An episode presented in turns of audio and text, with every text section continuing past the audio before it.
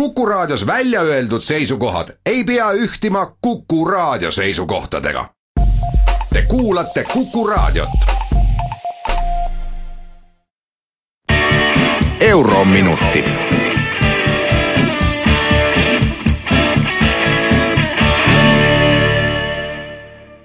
tere päevast, kallid Kuku Raadio kuulajad. eetris on Eurominutid ja Kersti Kaljulaid olen nüüd mitu nädalat järjest rääkinud põgenikest, kuid mulle endale hakkas tunduma, et kõik see analüüs, kust nad tulevad, kuhu voolavad ja kui jämeda vooluna, vajaks tasakaalustamist.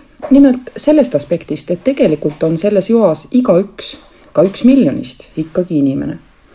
ja eriti kurb on, et paljud nendest on lapsed, kaitsetud, sageli üksikud ja ilma vanemateta eelmisel nädalal toimus Türgis suurejooneline kollokvium põgenikekriisi humaansetest aspektidest.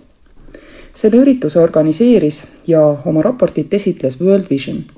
see on üks rahvusvaheline abiorganisatsioon, mis on aastaid jälginud, kuidas maailma katastroofide eest põgenevatel inimestel läheb. ma refereerin täna nende raportit põgenevatest lastest. World Vision juhib tähelepanu, et lastele kulutatakse tegelikult spetsiifiliselt väga vähe humanitaarabi, alla kolme protsendi. kuigi neid on loomulikult põgenike hulgas kaugelt rohkem kui see tühine kolm protsenti. World Vision on oma raporti jaoks rääkinud üheteistkümne tuhande põgeneva lapsega. Nemad toovad meieni selle, mida mõtleb ja tunneb üks põgenev laps uuringu eesmärk on avaldada survet ja ka ise organisatsioonina näidata eeskuju, kuidas lastele spetsiaalselt neile mõeldud abi rohkem osutada. selleks ongi ju vaja mõista nende soove ja vajadusi. laste soovid jagati kuude gruppi, millest kahtlemata suurimad ja olulisimad olid turvalisus ja haridus. kurb on lugeda, et laste esimene ja suurim soov on mitte enam tunda füüsilist valu aga ka hingevalu. põgenevate laste elutingimused on alati ohtlikumad, kui need olid kodus, enne kui puhkes põgenema sundiv kriis. loomulikult saavad paljud viga sõjategevuses, aga ka lihtsalt ebaturvalistes keskkondades olmesituatsioonis või kohtudes ebaturvaliste inimestega oma teel sellepärast on World Visioni jaoks väga tähtis, et lastele pühendatud tegevus humanitaarabis ja loomulikult siis ka neile pühendatud rahasummad tõuseksid väga oluliselt. lihtsalt selleks, et oleks kas või turvaline ja et ei oleks enam valus. rohkem tuleks luua selliseid spetsiaalseid turvatsoone, kus lapsed saaksid kas või mängida, ilma et nad jookseksid autorataste alla. isegi see, see väga lihtne asi on ju tavaliselt põgenikelaagris mõtlemata. järgmine suurim mure lastele on olla eraldatud oma vanematest. alles seejärel tuleb hirm nälja ees ja siis soov mängida. klassikaline Maslow püramiid, aga seda väga-väga madalal tasemel, väga elementaarsete soovide osas. lapsed tahaksid mängida nii, et elu seejuures ohtu ei satuks. tõsi, kui sa liigud laagrist laagrisse lõputul teel, siis sul ei ole võimalust mängida nii nagu sa teeksid seda siis, kui sa elaksid kodus. isegi kui see kodu on vaene ja vilets. see, mida sa tee peal teed, on istumine. istud ja ootad koos oma vanematega või ilma, mis edasi saab, julgemata joosta ringi ja mängida, julgemata vihastada oma vanemaid ja ümbritsevaid täiskasvanuid. põgenikulaps on istuv ja kannatlikult ootav laps. põgenevad lapsed unistavad alati koolist. Niisugust last ei ole, kes ei mõistaks, parema elu eelduseks on alati kooliharidus. Euroopa Komisjon on seda palvet ka kuulda võtmas ja neli protsenti Euroopa Komisjoni enda humanitaarabi vahenditest läheb edaspidi hariduse andmiseks põgenike lastele.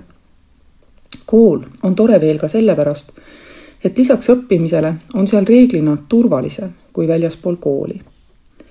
World Vision lubab, et seal, kus nemad tegutsevad, on vähemasti kakskümmend protsenti lastest varsti ikkagi koolis, isegi kui nad elavad põgenikelaagrites. World Vision astub samme selleks, et oleks enamgi kui viiendik. kurb on muidugi see, et kakskümmend protsenti kõlab juba nagu päris ambitsioonikas eesmärk. täna on koolis käivaid põgenevaid lapsi väga vähe, aga ka siis jääb ju kaheksakümmend protsenti lastest kooliharidusest eemale see raport on tilluke kokkuvõte laste mõtetest, kes põgenevad või elavad juba väga kaua aega põgenikelaagrites. kui tuleb isu arvata, et põgenikke ei peaks aitama ja üldse on nad ju noored mehed, siis internetist leiab World Visioni ja teiste abiorganisatsioonide materjale, mis tõestavad vastupidist.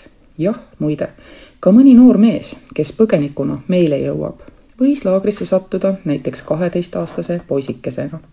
Ja tõenäosus, et ta ei ole saanud senimaani korralikku kooliharidust, nagu me kuulsime, ulatub tõenäoliselt kuhugile üheksakümne protsendini. lihtsalt nii ongi, nüüd on ta suur, hariduseta ja keegi ei taha teda, sest ta on nii-öelda kategooriast üksikud noored mehed kindlasti paljud neist esialgu tõesti hammustavadki igasuguseid käsi, mis on neid abistama ulatatud, midagi ei ole teha. nagu ikka väärkoheldud lapsed ja noored, nendes elab viha ja hirm. kui meile tulevatest põgenikest on lõpuks viiendik lapsed, umbes sada kahe aasta jooksul, siis peame oskama, jaksama ja tahtma seda arvestada. traumajärgse stressiga kimpus on kindlasti ka vanemaid inimesi, sellega tuleb osata tegeleda meie, eestlased, oleme harjunud ise tugevad olema ja seevaldisse minek kõlab siiani nagu allaandmine, mitte võitlus tavalise asjaga, nagu seda on vaimsed häired või ajutisemat laadi raskused. oleks hea ka enda suhtes olla leplikum, aga ammugi siis rasketest oludest tulevate inimeste suhtes. siis nad varsti enam ei hammusta ja saavad teha tööd ning ise toime tulla lõppkokkuvõttes võivad sellest, kui ehitame korralikke noorte ja laste tugisüsteemi, kellel on traumajärgne stress ja kellel on vähe haridust, võidavad sellest ka kõik need noorukid Eestis, kes täna samasuguste hädade all kannatavad. Neid ei ole sugugi vähe ja ma ei taha sugugi jätta muljet, et probleemid on ainult põgenikega. Neid on ka kodus ja ma arvan, et siin on võimalus kõikidele hädas lastele sattusin hiljaaegu lugema ühte analüüsi, mis näitas, et riikide vahel on ikkagi väga suured erinevused selles, kuidas nad suudavad põgenikest teha tööjõudu. Sakslastel on tegelikult suhteliselt positiivne kogemus, ameeriklastel ka. ilmselt on kuskil mingi kaameli selgroopunkt, aga seni, kuni me sellest kaugel oleme, on mõistlik õppida nendelt riikidelt, kes on saanud hakkama, meie sugugi mitte suure põgenikekoormuse juures Need riigid, kes on saanud hakkama, on erandlikult kõik saanud hakkama ainult ja ainult läbi tugeva ja nõudliku koolihariduse ja keeleõppe. Oluline on olnud veel üks aspekt, kohalike inimeste suhtumine. väga selgelt tuleb välja, et piirkondades, kus kohalikud inimesed ei ole tahtnud suhelda sisserändajatega, moodustuvadki kinnised kogukonnad kohtades, kus kohalikud on sellega ka ise veidi vaeva näinud, et saabujatele kohalikku kultuuri konteksti pakkuda, on läinud palju paremini.